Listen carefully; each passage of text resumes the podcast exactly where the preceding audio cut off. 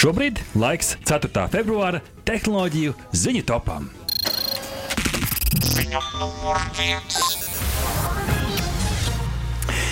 Tehnoloģija un izklaides uzņēmums TET ir sācis Latvijas iedzīvotājiem piedāvāt saules paneļus mājokļiem. Uzņēmums klientiem veiks visu pirmos soļus no risinājuma izvēles līdz uzstādīšanai, piedāvājot monokristāliskos saules paneļus atbilstoši Eiropas Savienības standartiem. Tos varēšot Rihardu uzstādīt gan uz jumta, gan uz zemes, un būšot izturīgi arī pēc sniegu un vēju. Šobrīd eh, vidējais saules paneļa investīcijas atmaksāšanās periods mājsaimniecībās esot ap deviņiem gadiem, eh, taču tā kā Rihards šobrīd arī valsts cietajā zaļajā virzienā un dažādas atbalsta programmas, tad iespējams izmantojot šīs atbalsta programmas, varēšot šo te, nu, sajūtu, ka tev sāk atpelnīties šī sistēma, sajust jau iespējams divreiz ātrāk. Jā, nu, ja runājam par šīs sistēmas efektivitāti, tad pēc datiem vasaras periodā saules paneļi saražojot vairāk nekā 80% no mājokļa kopējā elektroenerģijas apjoma. Savukārt rudens un ziemas mēnešos 10 līdz 20%. Līdz ar to uh, gada garumā ietaupījums varētu sasniegt pat 50% no elektroenerģijas rēķina mēnesī, kas, protams, ir ir pat daudz. Tīpaši šajos laikos, kad cilvēki par elektrības cenām uztraucās. Nu, tam gan, protams, seko piezīme par to, ka konkrēti saules paneļu uzstādīšanas atmaksāšanās periods ir atkarīgs mm. no no vairākiem faktoriem, ieskaitot maisaimniecības patēriņa dienas gaišajā laikā, paneļu skaitu, vietu, kur tie tiks uzstādīti. Jo, kā zināms, leņķim pret sauli ir liela mm -hmm. nozīme, tam vai apkārt ir kāds apēnojums vai kas cits. Tā kā nu, precīzi aprēķini noteikti varēsiet izrēķināt tikai izvērtējot jūsu konkrētos apstākļus. Tu arī pats domājies par saules paneļiem, vai ne? Kas ir bijis pie tā, kur tu šobrīd apstājies? Uh, šobrīd, principā, nu, ir izvērtēts un viss ir apstājies pie tā, ka ir jāuztais izvērtējums uh, jumta konstrukcijai konstrukcijām, vai mm. nav jāmaina arī jumts pie reizes. Bet, bet kopumā es teiktu, ka šobrīd ļoti viegli ir dažādi piedāvātāji šim, tā skaitā, kā mēs redzam, tagad arī TET, kuriem var uzrakstīt, un tad jau viņi pēc parametriem sarēķina gan to piedāvājumu, gan arī atcerieties 50% ietaupījums pie rēķina apkurs vai, vai elektrības rēķina, piemēram, ir labs piedāvājums, bet atcerieties, ka jums būs vēl diezgan daudz gadus jāmaksā tā nauda ik, mēneša, ik katru mēnesi, lai tomēr apmaksātu šī saules paneļu uzstādīšanu. Septiņreiz reiz nomēra pirms nogriezties, kā skan tajā latviešu teicienā. Divi. Igaunijas elektroautorāta uzlādes tīkls Eleport paplašina staciju tīklu, uzstādot pirmās trīs uzlādes stacijas Latvijā, trīs dažādos biroja ēku stāvokļos Rīgā. Viena no trīs stacijām Richard, būs ātrās uzlādes stacija, jeb šajā gadījumā 100 kW, bet divas pārējās būs 22 kW mainstrāves, jeb lēnās uzlādes stacijas. Uzlādes vietas aprīkots ar Type 2 līgstu, un tās jau Richard konkurēs ar Latvijā esošajām gan CSDD, gan Elektrum, gan arī citām uzlādes stacijām, kuras ir jau šobrīd vai būs nākotnē. Un šeit, eh, Rihard, arī eh, citāts eh, no Eleporta pārstāvja Latvijas iedzīvotāju interesi elektroautorāta iegādē gadu no gada apsteidz iepriekš izteiktās prognozes. Līdz ar augošo pieprasījumu pēc zaļākiem transporta līdzekļiem rodas vajadzība pēc sakārtot un ērta uzlādes tīkla, kas ir pieejams elektroautorāta īpašniekiem neatkarīgi no izvēlētā maršruta. Eleporta Latvijas vadītājs Kārlis Menziņš. Nu, katrā gadījumā ienākuši Latvijas tirgū Rihard ir plāni arī esot liela. Šogad vēl 30 stacijas uzstādītas. Es teiktu, ka beig beigās ieguvēji būs elektroautorāta lietotāji. Jo šajā te, nu, citātā jāpiekrīt, ka nav nekas kaitinošāks, Rihard, manuprāt, kad tev ir jānovirzās no sava maršruta, lai tikai atrastu, kur uzpildīties. Jā, taisnība, Arti. Un jautājums tikai ar ko viņi sadarbosies, lai šīs stacijas izvietot, vai tie mm -hmm. būs pilnīgi jauni uzpildes punkti, vai arī ar kādām esošajām degvielas uzpildes stacijām. Tā kā uh, interesanti, kāds attīstīsies. Uh, katrā ziņā ir skaidrs, ka elektroautorātu mēs pērkam arvien biežāk, jo pēc CSDD datiem 2022. gada 1. janvārī Latvijā uzskaitē bija 2174 elektroautobīļi. Un, ja mēs skatāmies uz 2020. gadu, kas ir tikai divus gadus iepriekš, tie bija tikai 672. Tas tiešām ir ļoti strauji kāpums, nu, ko noteikti veicinās arī varam izsludinātais atbalsts, ko varēsim šogad iegūt. Un atcerieties, ar mēs šogad sadarējām mm -hmm. par to, vai elektroautobīļu skaits dubultosies.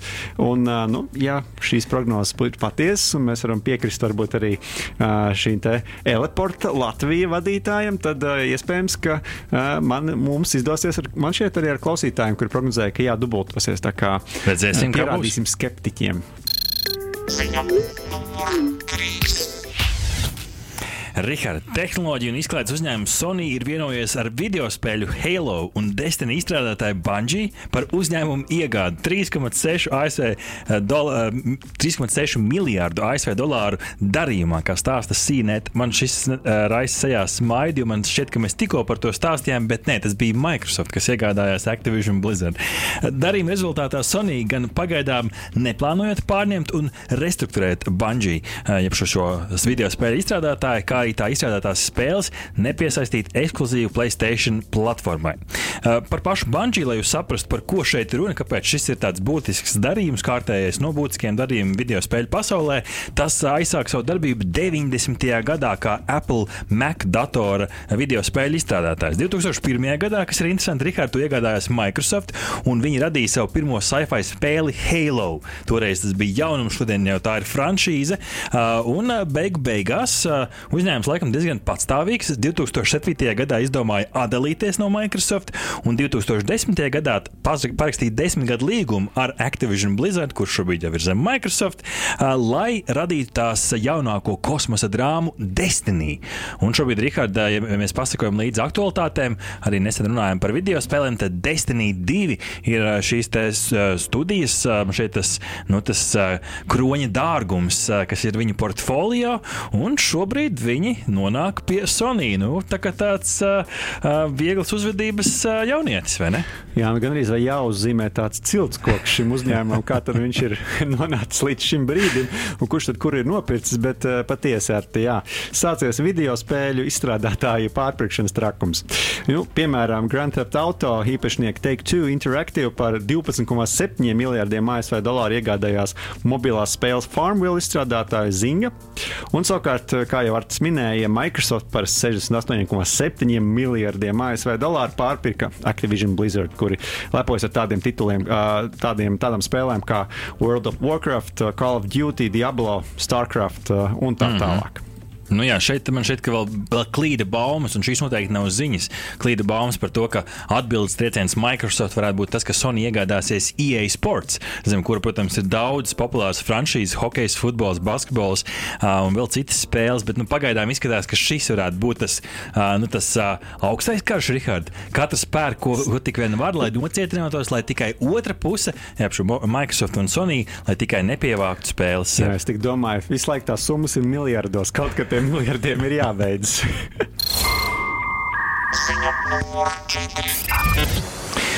Par spēlēm, Rihard, arī turpinām, jo pāris mēnešus uh, pasaules slavu uh, ir izkarojusi vārdu minēšanas spēle Wordle. Un to pavisam nesen ir iegādājies The New York Times. Patiešām The New York Times ir iegādājies šo spēli par neatklātu septiņu ciparu summu. Vienkāršo vārdu minēšanas spēli Wordle ir izstrādājis viens programmētājs, Josh Vārdls, un to publicēja kā bezmaksas internetu spēli tikai aizdītā gada oktobrī. Spēle uh, reizi dienā publicē piecu burtu uh, vārdu, kuru spēlētājiem ir jāatmin ar sešiem minējumiem. Tad ir katru dienu jauns vārds, tikai seši minējumi.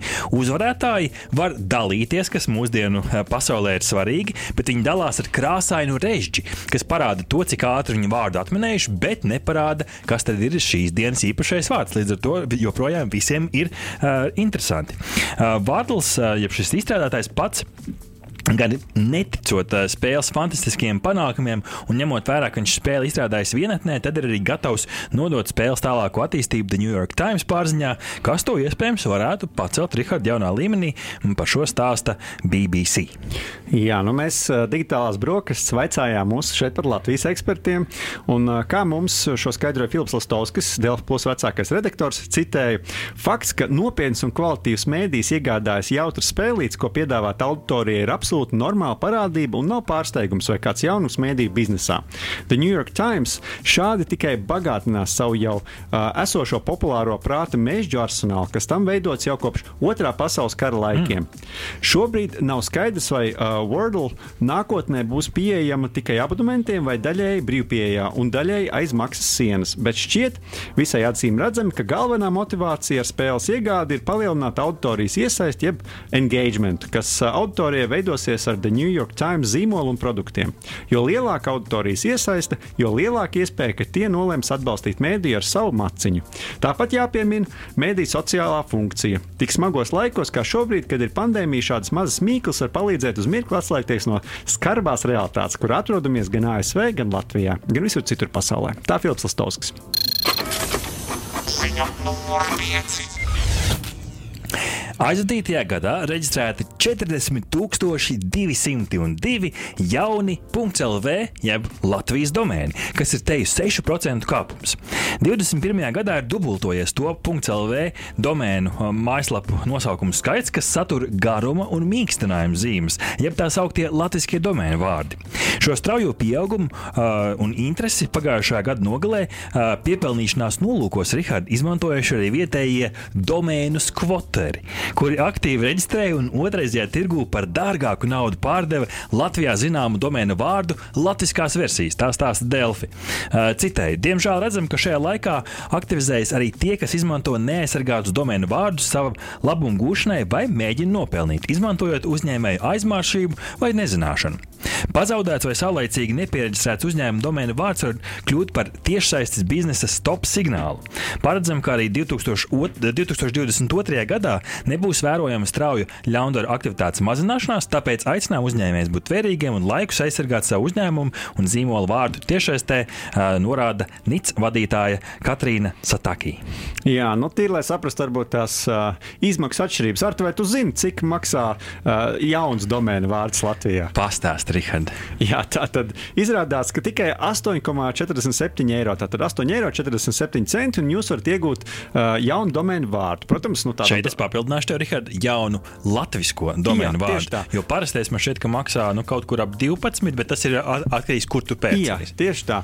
Un, uh, attiecīgi, uh, interesanti ir tas, ka ir šī otrreizējais tirgus, mm. ja, jo kāds, kā jau teicu, jau ir uh, šo domēnu vārdu aizņēmis, un tad jau tās summas kļūst daudz lielākas. Tātad, mm. jūs esat aizņems kādu domēnu vārdu, kas kādam varētu būt ļoti, ļoti noderīgs. Nu, piemēram, lai atvērtu e-veikalu, tad šī cena jau ir uzkāpta līdz 500 eiro un ir pat bijuši par cenu, kur tiek maksāt 15,000 eiro. Tā kā ir vērts padomāt, kādas domēnas varbūt ir vērts laicīgi aizņemt. Nu, jā, tātad tu pieminēji šo vārdu savienojumu domēnu squattings. Tātad tā ir domēna iegāde, lai jā. bloķētu kādu citu no tā reģistrācijas un izmantošanas, un pēc tam nopelnītu vai no tā paša pārdošanas, nu, no šīs uh, domēna pārdošanas izvietošanas vai kā reklāmu izvietošana konkrētajā adresē. Nu, tā, tā kā šādi, šādi interesanti fakti par domēnu tirgošanu Latvijā, bet šķiet, ka pats interesantākais notikums šajā kontekstā, bet nu jau pasaules mērogā, bija stāsts par kādu Argentīnas tīmekļa dizaineru, kurš nejauši, nejauši katru pagājušā gadā. Jā, nejaušā kārtā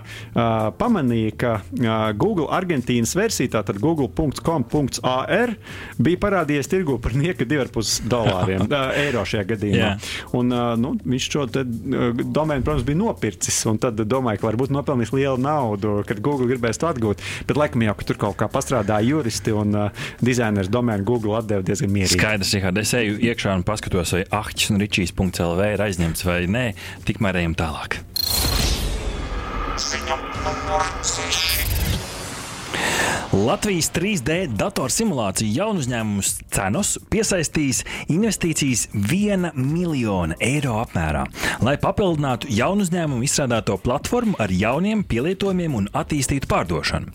Cenas mērķis ir mainīt inženieru modelēšanas programmatūras tirgu, īpaši uzrunājot ražošanas inženierus rūpnīcās un mazajos uzņēmumos, tādējādi padarot simulācijas tehnoloģiju pieejamu speciālistiem bez iepriekšējas pieredzes.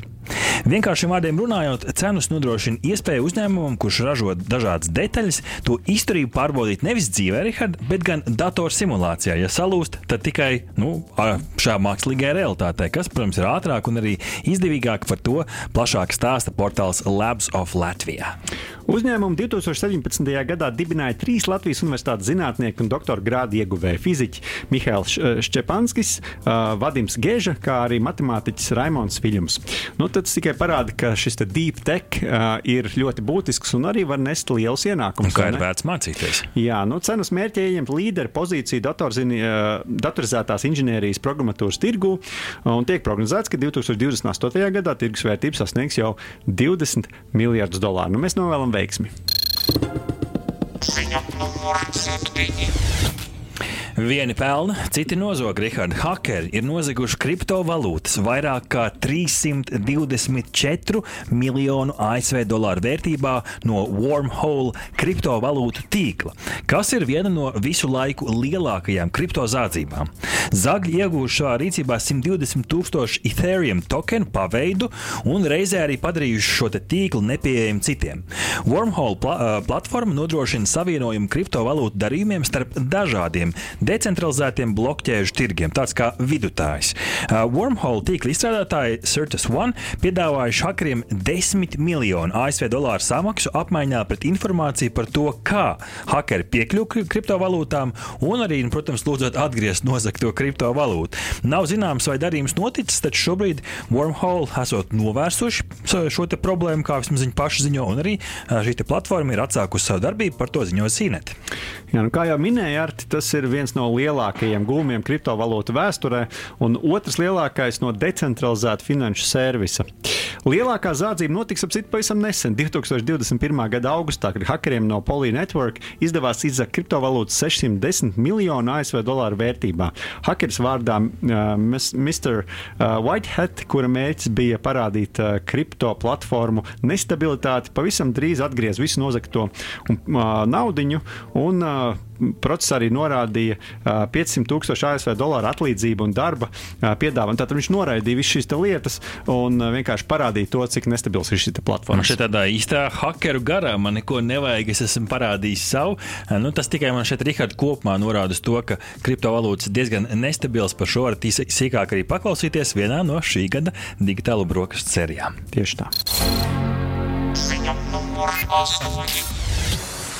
Autoražotājs Tesla Ķīnas tirgu izlaidis kārtējo nestandartu produktu - karaoke mikrofonu Tesla Mike lietošanai tieši Tesla automašīnās. Produkts debitēja ķīniešu jaunajā gadā kopā ar speciālu karaoke lietotni Leishi KTV un nepilnu 200 dolāru vērto ierīci Rihards stundas laikā izpirka un pavisam drīz tā parādījās jau otrreizajā tirgu par daudz lielāku summu.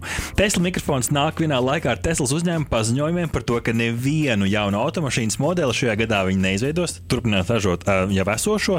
Tā skaitā arī neredzēsim arī Cybertruck. Tomēr jaunums būs, jaunums būs lielāks bateriju pakas šajās Tesla automašīnās. Tāpat arī Ilons Masks paziņoja par to, ka plāno pieņemt Dogecoin kā maksājuma līdzekli dažādiem mazajiem Tesla produktiem, piemēram, svilpītēm, ko mēs vēl stāstījām šeit siksnas lielajiem ornamentam, Cyberquad kvadrcikliem un iespējams citiem par to stāsta The Verge. Jā, nu tad uh, atgriežoties pie stāsta par karaoke, nu, protams, Ķīnā karaoke ir ļoti, ļoti, um, ļoti, ļoti populāra nodarbe. Bet interesanti, ka 2019. gadā Tesla automašīnās atsevišķās vietās bija pieejama karaoke lietotne karaoke, kuru varēja izmantot arī braukšanas laikā. Neizklausās pārāk droši. Mm -hmm. Un līdz ar to drīz to atslēdz pēc dažādu varas iestāžu pretenzijām. Tā kā nu, šeit droši vien drošākā veidā varēsim baudīt karaoke ar Teslas mikrofoniem. Kit? Kid, talk to me. Ķīniešu YouTube zvaigzne Handy Gang izcēlēs ar diezgan unikālu projektu. 27, mili, uh, 27 miljonu miliampēru stundu powerbank tik ļoti liela, ka pat neticējās, Rihard. Mācās izlasīt divreiz. Uh, uzlādes stacija, lai uzlādētu daudz un dažādas ierīces, pat tūkstošiem telefonu. Un ar šo te powerbank, Rihard, varot darbināt pat veļas mašīnu. Uzlādes iekārta gan nav diezgan mobila, jo ir aptuveni 1,8 metrus gara un 90 cm plata. Amizantā uzlādes stacija ir pildīta ar bateriju pakām, kas ir atrodamas arī tādās nu, lietās kā elektroautomašīnas. Tā ir arī līdzīgs metālisks apaļš korpus, nu, protams, kā jau powerbank. Priekšpusētē Rihards savukārt ir 60 rozetes, vairāk ierīču vienlaicīgai uzlādē un darbināšanai par to ziņo tekstpots. Jā, nu, jāatzīst, ļoti interesanti un amizanti ziņa. Bet, lai saprastu šīs ierīces kapacitāti, tad nu, varat iztēloties, ka ar šo ierīci mierīgi varētu uzlādēt 5000 vietāluņu. Kas būtu tas, Rikārd, ko tu mājās lādētu ar šo powerbank? Grūti pat iztēloties, man liekas, viņi nevarētu dabūt mājā iekšā. Bet to testā ir divi ritenīši, tā kā pavilkt pa zemi varot. Ziņa. Kamēr mēs Rihards Latvijā vēl gaidām Starlink internetu parādīšanos, tikmēr ASV Ilons Masks, Starlink vadītājs un pārstāvs, kā jau vienam no viņa uzņēmumiem, izziņojis tieši Twitter platformā Premium Starlink internetu piedāvājumu ar jaudīgāku lejupielādes un augšupielādes ātrumu un lielāku uztvērēju antenu. Lejupielādes ātrums būs starp 150 līdz 500 megabitiem sekundē. Salīdzinājumā ar Rihardu šobrīd parastais Starlink uztvērējis 50 līdz 250 megabits sekundē. Uzlabotais piedāvājums gan maksās piecas reizes dārgāk. Pašreizējais jau nav lēts, gan pati antena, gan ikmēneša maksa, bet līdz ar to šis vairāk tiek tendēts uz uzņēmumiem. Nu, visticamāk, šīs antenas varēs izturēt skarbākus apstākļus, un kas ir interesanti, Rihard, 24,7 nepārtraukts atbalsts par to ziņot ekspāts. Jā, nu mēs ar tevi ar sadarējām šī gada sākumā, vai Starlink būs pieejams Latvijā vai nē, un es toreiz teicu jā, un tu teici, ka nebūs. Mm -hmm. un, uh, lai gan interesanti, Starlink mājaslapā var ievadīt arī Latvijas adresi, diemžēl nu jau solītais piegādes laiks ir Jā. 2023. gads, kas visticamāk nozīmē to, ka uh, nu, jā, visdrīzāk mēs šogad Starlink, uh, Starlink internetu Latvijā neskaidīsim. Un man šķiet, ka šis ir paskrējis zem radara, jo par šo man šeit Baltijas līmenī neviens nerunā. Jo pavisam nesen, kad mēs vēl gatavojām prognozes, tad 22. gads tur bija. Šobrīd jau pavisam klusām, pavisam klusām 2023. gads ir tas laiks, kad iespējams, nu tikai iespējams, pie mums būs Starlink internets. Lūk, Rihard, kāds diezgan visaptverošs šī rīta tehnoloģiju ziņu tops. Aha! Paldies, ka noklausījāties mūsu līdz galam! Ja patika, uzspiediet laiku, atstājiet komentāru vai padalieties ar draugiem. Un nobaudiet arī citas epizodes, kā arī sekot mums, lai nepalaistu garām savu ikdienas tehnoloģiju ziņu devumu.